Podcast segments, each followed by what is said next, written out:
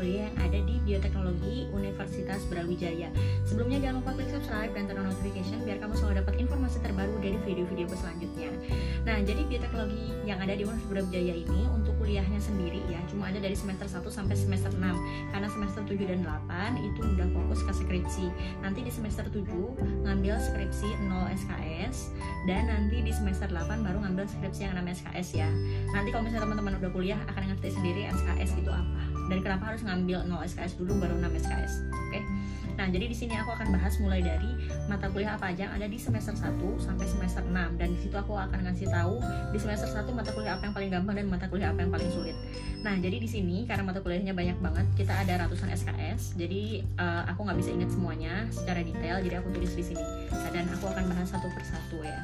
Yang pertama yaitu di semester 1 ada mata kuliah uh, matematika dasar, terus fisika dasar, kimia dasar, sama biologi dasar. Intinya ini MIPA yang dasar dan kurang lebih mata kuliahnya sebenarnya seperti mata pelajaran yang ada di SMA dan agak ngulang dikit, tapi lebih advance lah. Jadi kalau misalnya biologi di SMA dipelajari selama tiga tahun, ini dirangkum menjadi satu semester aja.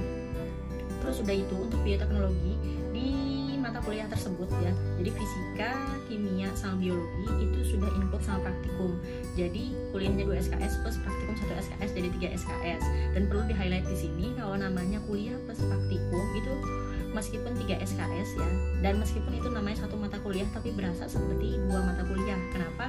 Karena uh, kalau kuliahnya itu sama dosen dan nanti praktikumnya sama uh, asisten praktikum. Tapi itu udah kayak punya dua dosen jadinya gitu. Jadi nggak apa di semester satu ini nanti teman-teman akan ketemu dengan tiga praktikum langsung di jurusan lain bukan jurusan lain sih di uh, prodi lain. Mereka masih baru dapat dua SKE dapat dua praktikum sementara teman-teman yang kuliah di bioteknologi langsung dapat tiga praktikum. Kalau misalnya teman-teman sering santai waktu SMA-nya maka akan lumayan shock ketika di semester satu ini. Karena praktikumnya lumayan berat dan kalau misalnya mau masuk praktikum itu nggak cuma langsung praktikum aja tapi teman-teman harus bikin uh, tiket masuknya untuk bisa ikut praktikum tersebut dan setelah selesai praktikum teman-teman harus buat laporan lagi Oke, selain itu juga ada mata kuliah agama. Ini mata kuliahnya untuk uh? Untuk semua mahasiswa. Jadi ini bukan mata kuliah pilihan, tapi mata kuliah wajib dan untuk agamanya sesuai dengan agama kepercayaan teman-teman masing-masing.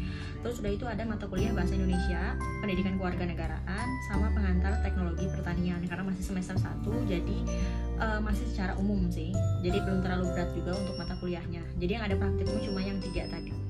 Kemudian di semester 2 ada mata kuliah bahasa Inggris, etika profesi, kimia organik, uh, genetika, statistika, mikrobiologi umum, pengantar bioteknologi sama biokimia 1. Nah, untuk mata kuliah apa yang paling susah? Bukan paling susah sih, paling berat yaitu mikrobiologi umum. Kenapa? Karena di sini ada praktikumnya dan praktikumnya lumayan berat. Teman-teman e, kalau bisa kuliah di bioteknologi harus siap dengan begadang dan lembur di luar jam kuliahnya. Jadi kalau misalnya kuliahnya dari pagi sampai sore jam 4, teman-teman belum bisa pulang ke rumah dan belum bisa jalan-jalan ke mall. Kenapa? Karena pulang jam 4 nih. Untuk praktikum mikrobiologi sendiri kadang-kadang baru mulai habis maghrib dan baru selesai sekitar jam 9 malam. Terus sudah itu dalam waktu satu atau dua hari laporannya harus sudah selesai dan dikumpulkan lagi ke asisten praktikum. Kalau misalnya telat mengumpulkan laporan ya nilainya dikurangi.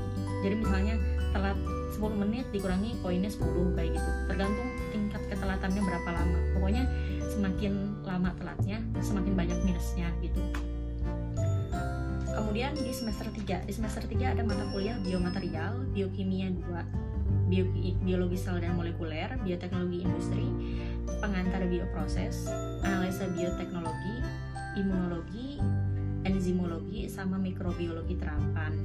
Mana yang paling sulit? Yang paling sulit itu kalau menurut saya analisa bioteknologi.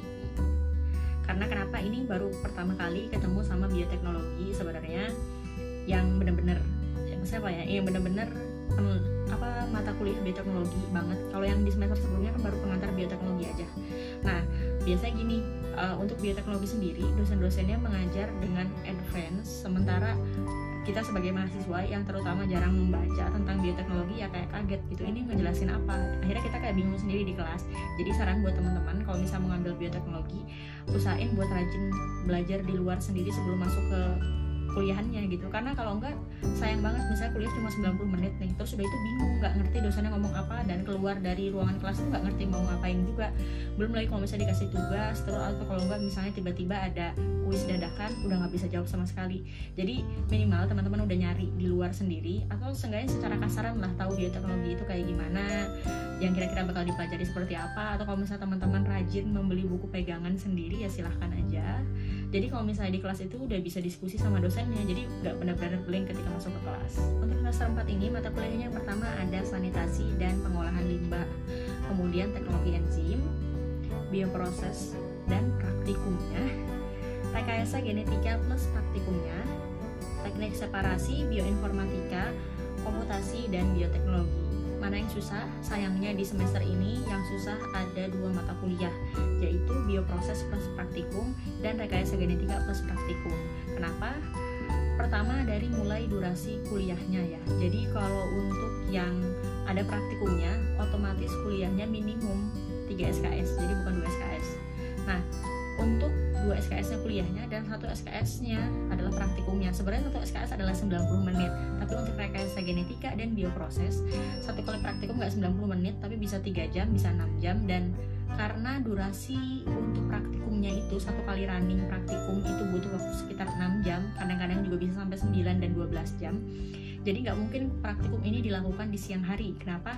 Karena kan ada kuliah lain. Misalnya kalau kuliah kalau praktikumnya dimulai jam 9 pagi, terus 12 jam sampai jam 9 malam teman-teman ada yang kuliahnya siang atau sore hari otomatis kan nggak akan bisa kuliah nah jadi karena itu praktikumnya kadang dimulai habis maghrib atau habis isya selesainya adalah besok paginya uh, dulu saya pernah kuliah pernah praktikum mulai jam 6 sore itu baru preparasi ya. Selesai preparasi itu preparasi doang tuh 3 jam sampai jam 9 malam. Selesai preparasi jam 9 malam baru mulai praktikum dan kita harus running ngambil sampel setiap satu jam atau dua jam sekali. Tengah malam juga subuh juga gitu. Sampai selesai sekitar jam 6 pagi atau jam setengah 7 pagi.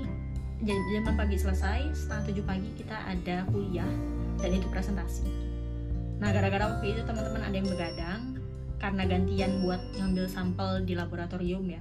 Jadi waktu itu kuliah yang keisi itu ya cuma setengah kelas. Dan itu pun anak-anak bisa dari laboratorium langsung ke kelas nggak pakai mandi ya. Jadi kalau misalnya teman-teman pengen tetap tampil cantik selama kuliah bioteknologi ya sepertinya di semester ini nggak bisa. Tapi tenang aja karena cowok-cowok yang juga ada di, di kelas itu mereka juga sama seperti kalian. Nggak sempat mandi dan lain sebagainya oke itu untuk semester oh sorry ini semester 4 ya. Semester 4 adalah semester terberat menurut saya dan juga buat teman-teman yang lain. Jadi waktu itu saya semester 1 sampai 3 berusaha untuk mempertahankan IPK dan di semester 4 ternyata jeblok gara-gara ketemu dua mata kuliah ini. Yaitu rekayasa genetika plus praktikum dan bioproses plus praktikum. Cuma untungnya terbantu dengan kuliahnya.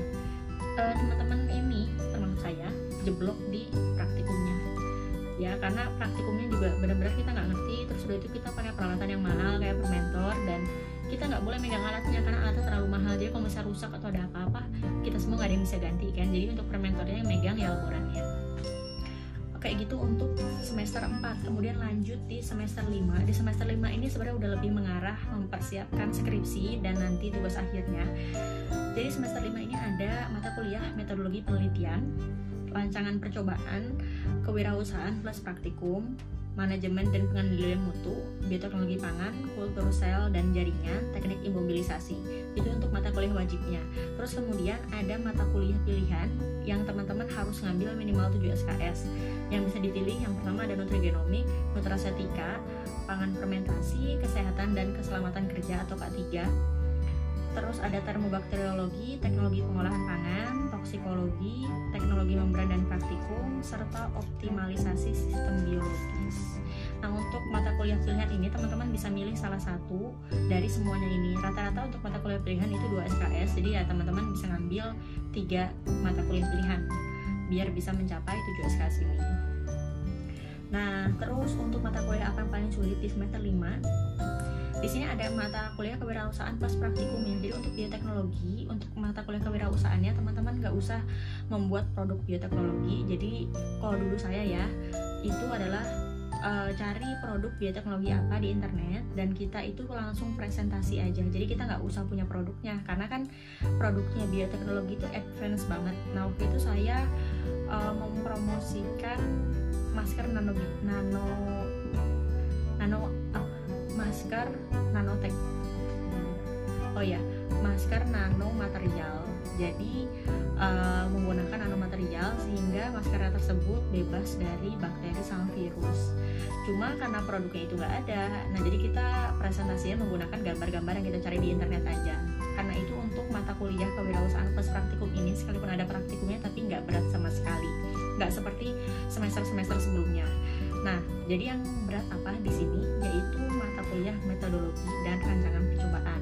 Kenapa? Karena dosennya gila sebenarnya gara-gara itu sih. Terus udah itu kita dari semester 1 sampai 4 nggak pernah dikasih uh, pelajaran tentang statistika dan juga uh, rancangan percobaan sama sekali. Terus udah itu di semester ini kita harus tiba-tiba kayak rancangan percobaan terus udah itu memakai aplikasi-aplikasi yang advance ya terus tiba-tiba panik gitu. Jadi kalau misalnya saran saya untuk sebelum masuk ke semester ini eh, teman-teman bisa meminta catatan dari kakak tingkat atau dari teman-teman yang sudah mengambil mata kuliah ini sebelumnya.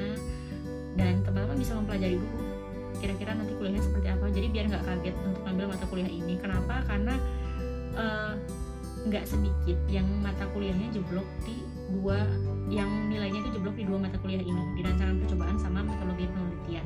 Dari segi namanya mungkin kayaknya gampang gitu tapi karena dosennya killer dan juga nggak ngasih nilai segampang itu jadi baik yang jeblok di nilainya. Terus sudah itu di semester 6 semester 6 ini ada mata kuliah wajibnya biologi lingkungan seminar bioteknologi sama ekonomi teknik.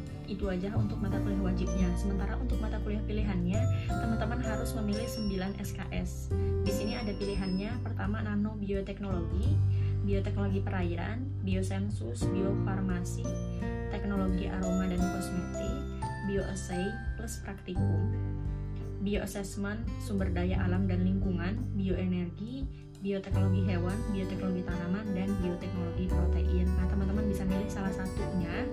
Di sini yang penting bisa memenuhi minimal 9 SKS. Gitu aja untuk semester 6. Untuk mata kuliah apa yang sulit? Uh, untuk kalau kata teman-teman dulu itu adalah bioteknologi lingkungan.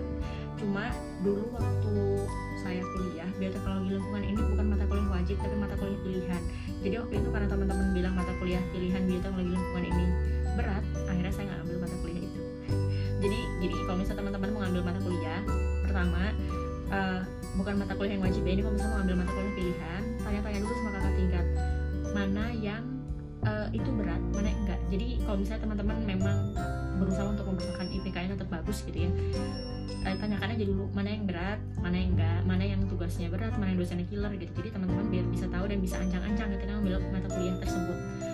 Dan yang kedua pertimbangannya adalah teman-teman emang menyukai bidang tersebut. Misalnya teman-teman pengen mendalami bidang nanobioteknologi atau nanoteknologi yang ambil aja mata kuliah pilihan tersebut nggak ada masalah. Kalau misalnya teman-teman merasa mau gimana pun dosennya mau seberat apa pun tugasnya aku akan tetap ngambil mata kuliah itu. Ya udah silahkan ambillah mata kuliah itu. Oke itu sampai semester 6 ya. Kemudian untuk semester 7 teman-teman sudah fokus ke skripsi aja. Terus sudah itu ada mata kuliah uh, eh, PKL sama KKN nah kalau di bioteknologi ini teman-teman bisa milih mau PKL atau KKN jadi nggak harus salah nggak harus dua-duanya. Cukup salah satunya. Tapi kalau teman-teman ngambil dua-duanya silahkan aja syaratnya adalah sudah menempuh 80 SKS jadi teman-teman silahkan hitung dulu SKS-nya udah sampai berapa baru bisa mengambil mata kuliah tersebut. Nah tapi biasanya tuh di akhir semester 5 itu sudah terkumpul 80 SKS jadi biasanya di akhir semester 5 teman-teman udah mengajukan mau uh, eh, KKN jadi di libur uh, libur semester ganjil ya antara semester 5 ke semester 6 rata-rata di situ biasanya udah pada KKN atau PKL kalau misalnya masih belum ngambil di situ bisa ngambil di semester depannya di libur semester genap antara semester 6 ke semester 7 segitu aja penjelasan tentang mata kuliah bioteknologi yang ada di Universitas Brawijaya kalau kamu punya pertanyaan lain bisa tanya di kolom komentar di bawah ini dan aku akan membahasnya di video selanjutnya